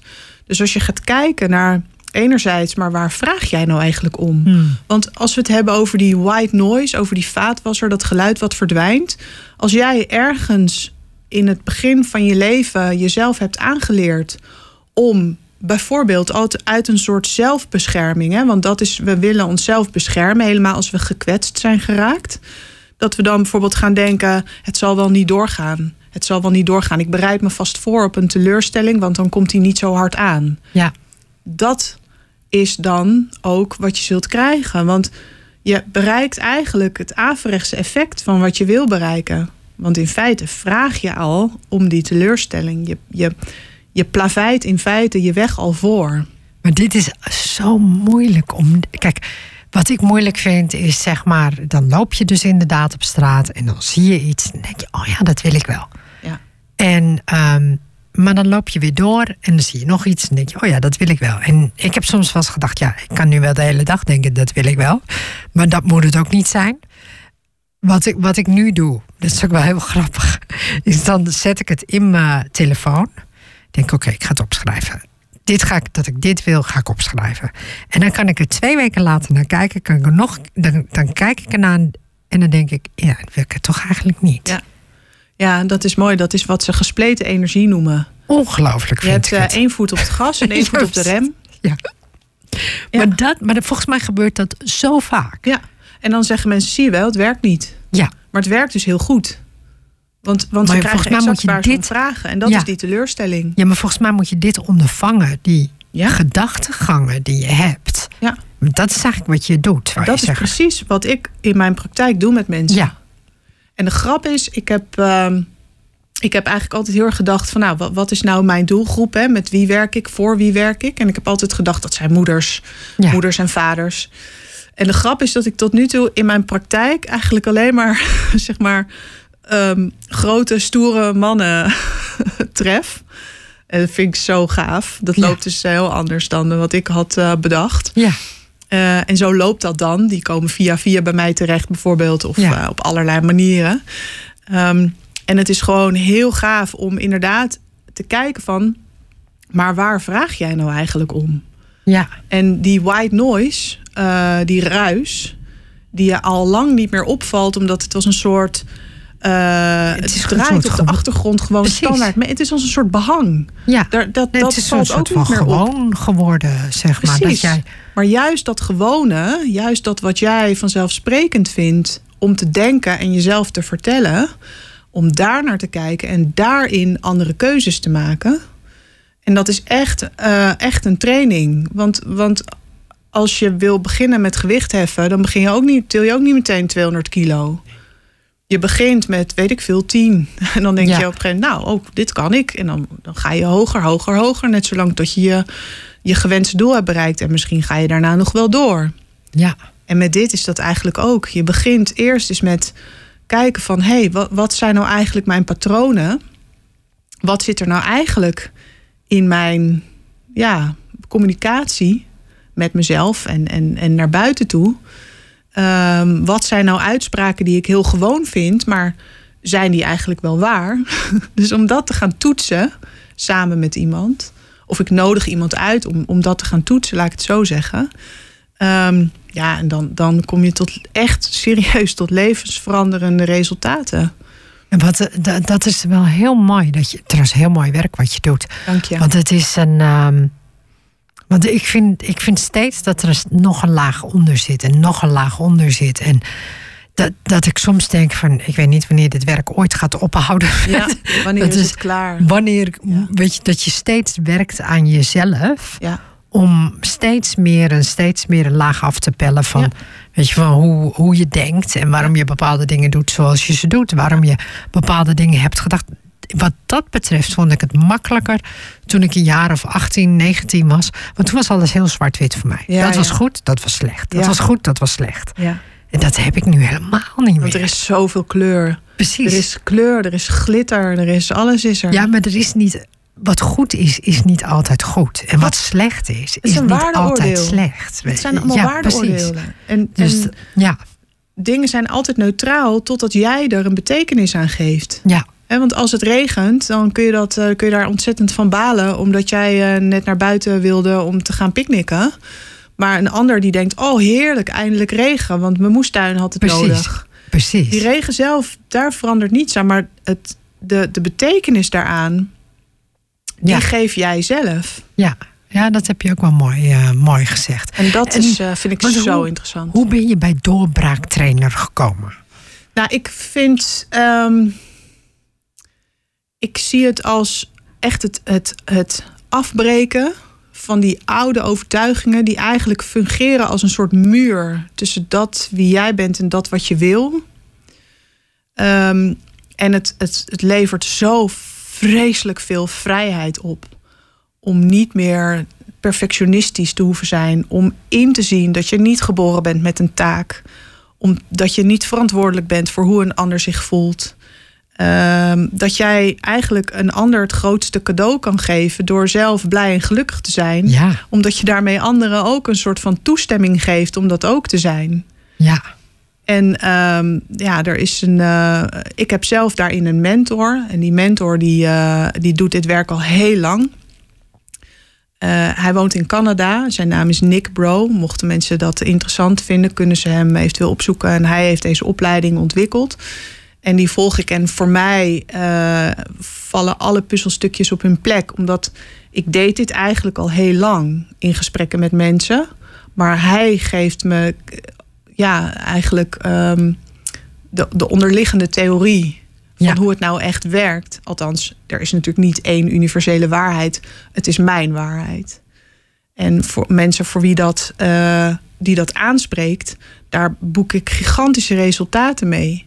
En mensen die zeggen, nou, ik heb er niks mee, echt heel prima. Want die vinden hun weg op, bij iemand anders of bij iets anders. En dat is echt heel oké. Waar, Ja. waar je blij van wordt, wat jou helpt, is goed. ja. Als je maar, ehm, ja, ik gun het iedereen om niet ermee te blijven rondlopen en het te laten etteren van binnen. Ja. ja, nee, maar dat is ook. Heel veel mensen weten niet eens dat dat dus ook het geval is. Hè? Bedoel, Klopt. Ehm, ik, ik heb altijd het idee, die negatieve kijk van mensen. Ehm, want ik was, ja, ik doe nog een programma in Amsterdam. Doe ik ehm, iets dat heet Amsterdam Talk Sex. En dat gaat alleen maar over seksualiteit. En eh, dat is heel grappig. Mijn luisteraars weten dat ook, want het staat ook gewoon in de podcast. Staat het. En die, ehm, ze kreeg laatst kreeg ik een berichtje van een dame. En die zei van, eh, je, je, je, je wil elke keer zo goedkoop scoren. Dus ik zei, maar hoe? hoe? Ik bedoel, goedkoop scoren? Ik zeg, maar waar, waar heb je het over? Ja. En toen zei ze, ja, maar omdat je seks gebruikt... denk je dat je makkelijk kan scoren. Ik zeg, heb je het wel eens gezien? Ja. Toen zei ze nee. Oh. En eh, ik zeg, maar waar komt die... Weet je, het is niet mijn... Hoe zeg je dat nou? Het is niet mijn idee. We- Weet je, zo heb ik het nooit ingebracht. Weet je, voor mij gaat het juist over dingen uit de schaduw halen. Ja. Prachtig. laten zien op, een, op een, de meest integere manier dat ik ken. Ja. En, eh, en dat, dat is met dit programma precies hetzelfde. Het gaat mij er steeds over om te laten zien op de meest integere manier dat ik ken. En, uh, maar die dame die had er dus iets heel negatiefs van gemaakt. En toen dacht ik van wauw, weet je, ze heeft ook niet meer gereageerd hoor. Ik, want ik vroeg van hoezo dat jij dit denkt, terwijl je het nooit hebt gezien, je er eigenlijk niks vanaf weet. En dat vond ik wel interessant. Dat ik dacht van kijk nou hoe, weet je, het zit in haar hoofd dat zij er zo negatief mee bezig is. Ja. Ja, en, en het zou best kunnen zijn dat zij ergens in, in haar levensverhaal uh, als waarheid als waarheid heeft opgepakt: uh, seks is slecht. Of, mm. of het, is, het is natuurlijk ook heel vaak een soort van makkelijk scoren. In de zin van dat, dat je heel vaak zeg maar, vrouwen ziet bij een auto. of zeg maar halfnaakte vrouwen bij een auto. om die auto te verkopen. Je, waarvan je altijd denkt: wat doet die halfnaakte vrouw? Ja, nou? wat doet ze toch op die auto? Wat doet ze toch op die auto? kind. Ja, precies. Geeft Waarom kleding? doet ze zo? Weet je? Dat, dat, dat, denk je ook. Tenminste, als vrouwen denk je dat ook. Weet je wel. Misschien denken mannen heel anders. Maar, uh, sowieso denk ik. Ja, sowieso denk ik ook, ja. Maar heel veel vrouwen denken van... waarom doet ze dat?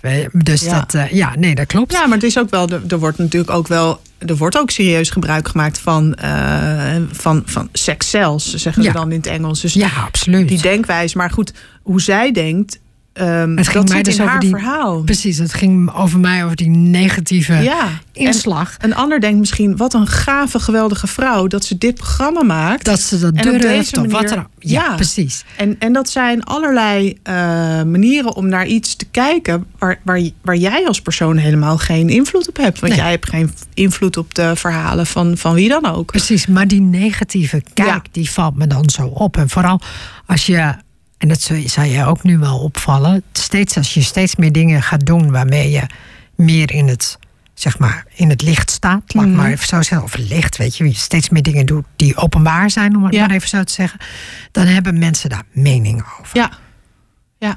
En, maar zodra je inziet, want iedereen vindt altijd wel iets. Iedereen vindt altijd wel iets. En het, nou ja, laat ik het zo zeggen, op het moment dat ik ben gaan inzien dat dat dus helemaal niets zegt over mij. Ehm, voelde ik me echt bevrijd van een enorme last. Ja, precies. Want ik, ik plaats um, tegenwoordig met enige regelmaat korte filmpjes. Uh, die zag ik. Online. Ja. Ik vond het heel leuk. Heel eng. Jij, vond, heel, jij vindt het leuk. Ik, ik was er al drie jaar geleden mee bezig. Dus, voor mij, dus ik heb gelukkig die dat deel heb ik gehad. Want ik zie inderdaad dat mensen het heel eng vinden. En ik denk, oh ja, ja. je bent there, done that. Ja. ja, inderdaad. Ja. ja, en kijk, je eerste filmpje ziet er, of laat ik het zo zeggen, je tiende filmpje ziet er anders uit dan je eerste. Totaal en je honderdste ziet er weer anders uit dan je tiende. Maar hoe leuk is het als je, als je terug kan kijken en met een zekere vertedering. Ah, oh, mijn eerste filmpje. Kijk nou, toen had ik nog helemaal geen kaas gegeten van. Filmpjes maken. Alles. Ja, ja precies. Maar ja, je moet ergens beginnen. En, eh, en, en ja, we hadden het net al over gespleten energie. Bij mij was het heel erg van ik wil mezelf laten zien. Want ik, ik predik ook heel erg met de true story. Ik heb mijn boek ook zo genoemd. Ja, de true ja, story. Hoezo blijf ik dan achter het gordijn? Ja. Ik wil mezelf laten zien. Ja. En uh, nou ja, mensen die mij niet leuk vinden, is echt heel oké. Die kijken, er, die zeppen door. Of kijken naar iets anders. Die kijken naar iets anders. Die, die zoeken mij ook niet op. En die volgen mij ook niet. Nee, en dat precies. is allemaal echt oké. Ja, maar ik vind het wel een, weer een dappere stap van je. Wat een hoop complimenten geef je me. Nou, weet, je, nou, weet je wat het is? Ik, ik zie gewoon, ik, weet je, omdat ik die, die weg ook zelf heb gedaan. Ja. Daarom, daarom weet ik dat het zo dapper is. En daarom weet ik, want ik heb ook bij mijn eerste, ik, na iets van drie filmpjes of zo, zei een vriendin van: Oh, je vindt het wel heel leuk om dit te doen. Ik zei: Wat bedoel je? Ja. Ik want ik dacht echt, je weet niet hoe vaak ik retakes en retakes en weghaal. En bang ben dat ik het verkeerd doe. En eh, daar heb ik toen op een gegeven moment ook een heel grappig iets voor verzonnen. Ja, oh ja. Ik heb mijn. Uh, al mijn bloopers heb ik op een gegeven moment op Instagram gezet. Oh, Elke keer een blooper heb ik gewoon. Ik dacht, ik gooi het gewoon op Instagram. Ja. Weet je, oh, dat ik echt denk van. Dat ik iets aan het zeggen was en dat ik niet meer wist wat ik zou wilde zeggen. En dat ik op een gegeven moment zo zat van oh my god, dan weer uitzetten en dan weer aanzetten. En dan op een gegeven moment dacht ik, weet je, ja. ik ga gewoon elke keer die bloopers op uh, Instagram zetten. en dat werd heel grappig. Ja, tuurlijk. Dan ga je er namelijk, kom je eroverheen. Ja, en het is ook als je je kwetsbaar durft op te stellen, um, dan ook, ook daar zit weer een soort, ja, dan voelen mensen, andere mensen zich ook comfortabeler misschien om zelf ook kwetsbaarheden te delen. Kijk, ik kan wel Ja. zeggen, kom, laten we delen. En dan zelf niks delen. Ja. Maar ja, dan ben ik natuurlijk een beetje de... Ja, dan zit ik met een sigaret tussen mijn vingers te zeggen... nooit gaan roken, kind, weet je wel. Dat, is, ja, dat, Precies. dat werkt niet zo... eh, dat werkt niet. Nee, dat, werkt klopt. Nee, dat werkt niet. Eh, dus dus eh, ik vind het alleen maar heel, heel mooi om. en ik merkte op een gegeven moment ook dat perfectionistische, dat sloop er weer een beetje in. Want dacht ik, oh ja, filmpjes. Oh ja, oh, pff, nou, eh, echt met zweet in mijn bil na. Tot ik publiceren durfde te drukken en dan toch weer weghalen. Honderd keer opnieuw doen. En toen dacht ik echt, nee, weet je, ik zat. Ik werk binnen de schooltijden zoveel mogelijk Mhm. ik vind het fijn dat ik, ik voel me gezegend dat ik in de mogelijkheid ben hè, om, te, ja, om mijn kinderen zelf te kunnen halen en brengen. Ehm, maar dan zat ik, dat maakt wel mijn kaders vrij scherp. Ik moet gewoon om half drie weg, klaar. Ja. Ja, dan zat ik gewoon, eh, weet ik veel, drie uur lang zo'n filmpje aan zo'n filmpje te prutsen. En toen dacht ik, ja, dat gaat natuurlijk nergens over. Dus ja, soms ben ik nog steeds wel aan het prutsen. Maar soms dan Joh, staan ik er heb, ook... Inmiddels heb ik editen geleerd. Ja, Final Cut Pro.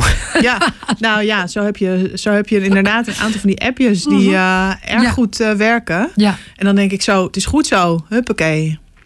precies. Want ja, kijk, de, de, de kijkers, de ontvangers van mijn filmpje... die zien die tien andere takes toch niet. Dus Nee, die weten niet wat daar beter of slechter aan was. Die, die zien gewoon dit. En als ik het voor mekaar krijg om eh, naar mijn idee... op, op, de, op de beste manier mijn boodschap te verkondigen... Ja, dan is het toch goed. Dan is het. Ja, en, en heb je dan ook het idee dat als jij je boodschap verkondigt, dat het ook, weet je, kom, hoe komt het aan bij mensen? Wat, wat, Ja. wat gebeurt er? grap is eigenlijk, als ik, als ik denk, oké, nu, nu moet er iets heel goeds komen te staan, dan schiet ik echt in een totale verkramping. Ja, Dan denk ik, oh, eh, er moet weer een filmpje. Oh, het moet leuk worden. Eh, oh, oh, eh, pff, weet je, en dan, ja, dan wordt het. En, en ik had laatst een filmpje gemaakt. Die stond echt letterlijk in één keer erop. En dat filmpje heb ik, nou, dit had ik echt nog nooit meegemaakt. Ik plaatste het op LinkedIn. En daar is het inmiddels meer dan 6000 keer bekeken. En ik dacht echt, wat? Er kwamen heel veel reacties op. Ehm, bij heel veel mensen had het iets gedaan. Nou, ik dacht echt, ja, Sia, het gaat ook heel erg om vanuit welke energie doe je dingen. En word je er blij van? Ik blijf blij is voor mij een, een steeds terugkerend woord in mijn leven. Ik ben heel lang niet blij geweest. Ik heb heel lang geen toegang kunnen vinden tot mijn blij. En inmiddels weet ik hoe dat moet. Mm. Kan ik daarin andere mensen ook ja, tools aan, aanreiken? Wat zij daarmee doen is aan hen. Maar ik ben echt in een soort van training gegaan voor mijn blij. En ik merk nu dat als ik dingen doe vanuit een blije energie, dat ze honderd keer meer aankomen dan als ik dingen doe vanuit een ik moet iets doen en het moet leuk zijn en, en het moet wel goed zijn. En oh, als ze maar iets van me, weet je dat, ja, dat ja, kan ja. ik dus nu steeds meer loslaten. En, dat is en als je hoe, wa- want dat idee heb ik wel eens, hoe eerlijk je bent. Mhm. Want ik, volgens mij heeft deze tijd heel erg eerlijkheid nodig. Ja, En authenticiteit. ja, helemaal mee eens. Want, en als je dat doet bijvoorbeeld, want dat moet denk ik zo'n filmpje op LinkedIn dan wel zijn geweest. Want ik denk dat je daar ook heel eerlijk was. Ja. Ja. Ja, ja dat, ben, dat, dat, ik, dat ben ik ook. Ik vind dat fijn, voor mezelf ook. En ehm, eh, het, het filmpje ging even heel, heel in het kort over dingen die we... En dan met we bedoel ik ouders, jonge ouders. Daar was dit filmpje voor op aangericht eigenlijk. De dingen die we niet eens van onszelf mogen denken... laat staan dat we ze uitspreken. En die dingen die had ik opgeschreven. En het was zonder geluid, filmpje. En ik laat elke keer een blad vallen. Waardoor dus eigenlijk alleen tekst. En doordat er geen afleiding is in de vorm van muziek of geluid... gaat de focus heel erg naar eh, wat er op die bladen geschreven staat. Mm. En dat heeft bij veel mensen eh, ja, tot beweging eh, geleid. Dat vond ik heel mooi om te zien. Dat mensen, wat ik vaak hoor van mensen die, die mijn boek hebben gelezen, die zeggen: Oh, het was zo herkenbaar. Ja, En dat geeft mij echt kipvel elke keer weer. ja. Ja, Want dat is dus ook, want die Superman, ik heb hem nog niet gelezen, hè, dus ik, ik, ik, ik, ik probeerde zeg maar iets over, uh, over te vragen. Maar het feit zeg maar dat, uh, denk ik in het boek, dat, ik bedoel, leg eens uit. we hebben het natuurlijk daarvoor al een beetje gehad over het boek. Maar toen, zonder dat we zeiden dat het over het boek ging, dus we hebben het uiteindelijk wel gezegd, maar leg nog eens meer over, over je boek uit. Ja, met, met Supermama's The True Story wil ik eigenlijk zeggen: je bent al goed genoeg. Je bent die supermama al. Um, en, en, en, ik heb dat echt tot mijn missie gemaakt. Om, uh, om, om vrouwen, moeders, maar eigenlijk ook vaders. Uh, met andere ogen naar zichzelf te laten kijken. En ze te laten inzien hoe, hoe ontzettend goed, krachtig, sterk, mooi ze al zijn. Maar weet je wat, ik schoot me opeens in mijn hoofd. De nanny. Ja. De, het feit, zeg maar, de nanny toen die er was. Ja. En die werd natuurlijk heel goed bekeken. Ja. En, um, en da maar daarmee kregen we natuurlijk ook een soort op de vingers. Waarvan er werd, elke keer werd gezegd van kijk nou, die mensen doen het niet goed. En die mensen doen het niet goed. En daar kon je jezelf ook natuurlijk wel een beetje in herkennen. Ja, ik, ik wil vooropstellen dat dit boek echt, echt absoluut geen opvoedboek nee, nee, is. is. Oh, gelukkig. Nee, maar dat- dat viel me gewoon op. Ja. Met het idee, zeg maar. Dus wat ik bedoel is, dus we denken al vaak zo negatief over Ja. onszelf. Ja, Dan komt zo'n programma als The Nanny, is natuurlijk slaat in als een bom. ja. Ja, ik, ik, kijk, ik denk als je aan het einde van de dag eh, het voor elkaar hebt gekregen om je kinderen ehm, fris en, en fruitig en gevoed, eh, doorvoed en in een pyjamaatje en eh, veilig in hun bedje in te stoppen.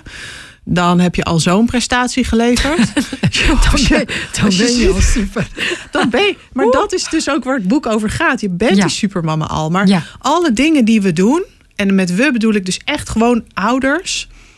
We zien het gewoon niet meer. Het is allemaal white noise. We vinden het allemaal maar normaal dat we aan honderdduizend dingen denken. Ja. Eh, de lampionstokjes, de tractatie voor de juffendag, honderdduizend vriendenboekjes mee. eh, die ingevuld moeten worden. Ehm, maar ook je huishouden wat doordraait. Je, je, je werk. eh, je, al die ballen, we hebben ze net al genoemd. En het is echt heel veel. En als ik soms aan moeders vraag... van goh, ehm, maak eens voor de grap een lijstje... van al je activiteiten van vandaag. Gewoon alles. alles waarvoor je in beweging eh, kwam, laat maar zeggen. gekomen, ja. Maar echt alles. Dus Ja. niet, niet waardeoordelen van dat en dat telt niet. Nee, alles telt. Dan komen ze tot een hele lange lijst. Ja. En dan maar denk ik ik, vind ja, dat sowieso in Nederland vind ik dat zoiets. Ik, ik, eh, een vriend van mij uit Frankrijk was een keer eh, bij mij en die zei van, die keek dus naar die vrouwen die dan op de fiets zitten met Ja. een kindje voor, kindje Ja. achter. ja. En die zei. Wat, wat zijn ze aan het doen? ik zeg ja, nee, de- ze moeten naar de kinderopvang of die kinderen moeten gehaald worden, weet ik. Maar hij zegt, en dan doen ze dat gewoon. Om, wat zijn die vrouwen sterk, zei hij, weet je? Ja. En ik moest zo lachen. Ik dacht echt van, wauw, ik, was een, ik ben er natuurlijk ook aan gewend, weet je? Maar, dat Ja. was geen, eh, maar je zag echt aan hem dat hij, eh, dat hij echt zoiets had van, wauw, dat vrouwen dat doen hier. Nou, wat mooi dat je dit... Want dat is Ja. precies de blik die ik wil... Ja, waarvan, waar, waar, waar- waarvan ik eh, moeders vooral wil uitnodigen... om eens met die blik naar zichzelf te kijken. Want we zijn zo bezig met... eh, je lijf is veranderd. Hmm. Ja, en er zijn natuurlijk vrouwen die in no time eh, weer in een skinny passen. Maar er zijn ook vrouwen bij wie dat niet Bij het wie dat geval niet is. het geval is, ja, en het inderdaad. is allemaal Ja. goed. ja, precies. Snap je? We zijn goed. We zijn goed genoeg en meer dan dat. Maar de hele tijd die focus op dit is niet mooi en dat is niet goed. Ja. En ehm, het is zo ondermijnend. En ik, ik Nee, het, hoop... doet je, het doet je echt niks goed. Want als je zou denken van... oké, mijn lijf is niet goed, mijn lijf is wel goed... en die twee naast elkaar zet... wat brengt je mijn lijf is niet goed? Brengt je echt niks? Kun je beter denken, mijn lijf is goed. Ja, en dat is, Precies. Dat echt, dat zeg, ik zeg niet dat het makkelijk is, hè? Nee, nee, dat klopt. Want het is echt een, een manier van kijken die er vaak heel diep zit ingesleten. Mhm. En daarom vind ik mijn werk ook zo fantastisch. Want ik hoop ja, in, in alle bescheidenheid mijn steentje daaraan te kunnen bijdragen. Ja. En dat, maar, uh, dat hoop ik echt. Wat zou jij willen bijdragen in de wereld? Laat me maar even zo zeggen, nu, nu je dat toch zo mooi ja. voorsorteert. Van. Ja, nou. dus laten we, ja. ja, uh, nou echt blij en kracht en uh, levensvreugde ook echt. Dat en, zou je mensen willen geven? Ja, nou ja, willen geven. Ja, kon, kon ik het maar. Had ik maar die pakketjes uh, zelfvertrouwen nee, waar we maar het eerder wat over ik hadden. bedoel is eigenlijk de, de weg ernaartoe. Ja. Laat ik het zo zeggen. Ja, Ja, Daar, daar, daar hoop ik echt aan bij te dragen. Ik hoop daaraan bij te dragen door middel van dit boek. Uh, maar ik hoop er ook echt in bij te kunnen dragen door middel van de trainingen en de, en de trajecten die ik met mensen mag, mag uh, doormaken. Um, omdat het je zo'n andere kijk op het leven geeft. Mm. En, en echt zo veel fijner, zoveel vrijer, zoveel lichter. Sterker nog, als je je licht voelt, dan gaat je lijf vanzelf ook mee. Ja, dan wordt, dat wordt ook lichter. En inderdaad. dat wordt ook lichter. En het werkt Ja. echt. Uh, het, het, werkt, het werkt inderdaad echt. Ja. En dat is, maar mm, hoe doe jij je trainingen? Hoe doe jij je doorbraaktraining? Gaan, komen mensen apart naar je toe? Komen mensen in groepen naar je toe? Hoe doe je dat? Vooralsnog werk ik één op één met mensen. Vooralsnog werk je één op één. Omdat het ook vaak uh, best, een, uh, kwetsbaar, best kwetsbaar is. Mensen ook vaak uh, ja, komen toch best wel emotionele onderwerpen ter sprake. Niet iedereen voelt zich er prettig bij om dat in een groep te doen. Het is ook niet iets wat ik uit wil sluiten. Want het kan best zijn dat het over een tijdje wel op die manier... Oh, dat ik dat ook ga vormgeven. Maar nu, om mee te beginnen, nog niet. Um, wat ik met mensen doe, is dat ik... Uh, ik ga in ieder geval drie maanden met ze aan de slag. Want ja, iets wat zich in, in een lange tijd heeft opgebouwd... laat zich ook niet met twee gesprekken... Nee. Uh, helemaal. Uh, dat willen mensen wel vaak. Dat, dat willen mensen wel. Ja. Het zou ook fantastisch zijn als het zou kunnen. Ja. En ik geloof ook absoluut dat je in één of twee gesprekken al een heel eind kunt komen. Maar om ook echt het te laten beklijven. Um, dat, dat, dat heeft wel iets meer nodig, is mijn ervaring. En, ja. uh, en daarbij wil ik ook echt. Um, ben ik bezig met een praktijkruimte. waarin we ook echt fysiek dingen kunnen breken. ja. Ja, dus ook echt die, dat, dat, die oer uh, naar buiten laten komen. Ja. Die energie die we allemaal in ons hebben. Uh, van, van, van heel lange tijd al. Maar die we tegenwoordig lastig nog kwijt kunnen. Omdat we allemaal veel achter computers doorbrengen. En dat soort dingen. Veel achter schermen doorbrengen. Maar die energie die is daar wel nog steeds. En oh, als je dat die is wel kunt... heel fijn als je dat ja. vrij kan laten. Dat ja. vind ik een goeie wat je, daar ben wat ik, je doet. Uh, ja, ja, daar ben ik mee bezig. Dat is wel heel mooi. Ik vind het mooi wat je, wat je zegt. Wij hebben ook nog een boek om weg te geven. Ja, zeker. Hoe gaan we dat eigenlijk doen? Ja, daar hadden we eigenlijk nog niet over nagedacht. niet over nagedacht. Nou, ik heb hier en we een, zijn al uh, bijna bij het einde van het programma. Ja, het gaat zo snel. Het gaat echt super snel. Ja, ik heb hier een, een, een, een prachtig verpakt uh, ja, cadeau. Uh, het is ja. echt een cadeautje. Dus, um, en het is natuurlijk ook fantastisch als jij... Mm, hoe zouden we dit kunnen, beste kunnen doen? Heb jij Instagram? Ja. ja. Ik heb ook Instagram. Wat is jouw Instagram? Mijn Instagram is Charlotte underscore Beumer. Ja, dat is je naam. Dus die ga ik in ieder geval onder de podcast zetten. Ja. Bij mij is die hand dan 007. Als uh, James Bond. Maar, maar dat was. ik ben gewoon op de zevende jarige, maar dat maakt niet uit. Daardoor kwam het eigenlijk. Maar ik vond het wel leuk, 007. Absoluut. Maar wat ik. Uh, dus het zou leuk zijn als iemand gewoon een klein verhaaltje of iets dergelijks stuurt. Of onder de podcast zet. Zodat wij de gelegenheid hebben, of ik de gelegenheid heb om het boek aan iemand te geven, te sturen of wat dan ook. Ik heb het vaker gedaan. Dus doe het alsjeblieft. Het, uh, het is ontzettend leuk om een, uh, een boek te krijgen uh, die je nog niet, zelf nog niet had. Um, en die, die je denk ik heel erg veel kan helpen. Ik hoop het. Zo ziet het eruit. Nou, fijn. Dus fijn dat vind ik echt uh, heel leuk. Ik wil je heel hartelijk bedanken, Charlotte. Ik wil jou net zo uh, hard bedanken. Dankjewel dat ik hier mocht zijn vandaag. Echt super tof. Morgen pr probeer ik, misschien overmorgen, om alles, weer, om alles te editen. En in een uh, podcastvorm te, vorm te zetten. Dus meestal is het woensdag of donderdag online. Top. En dan uh, kunnen mensen het ook gewoon horen die het nog niet hebben gehoord. Of die waarvan het te laat was. Um, ja, en verder ja, dan wens ik iedereen een hele fijne avond. En, uh, en volgende week zijn we er weer met Love on Air. En dan heb ik ook weer een hele leuke gast. Ik ga nog niet ik weet wel wie het is, maar ik ga het nog niet helemaal vertellen. Maar volgende week luister vooral. En, uh, en dat wordt, wordt ook weer een hele bijzondere dag, de avond, aflevering. Zoiets.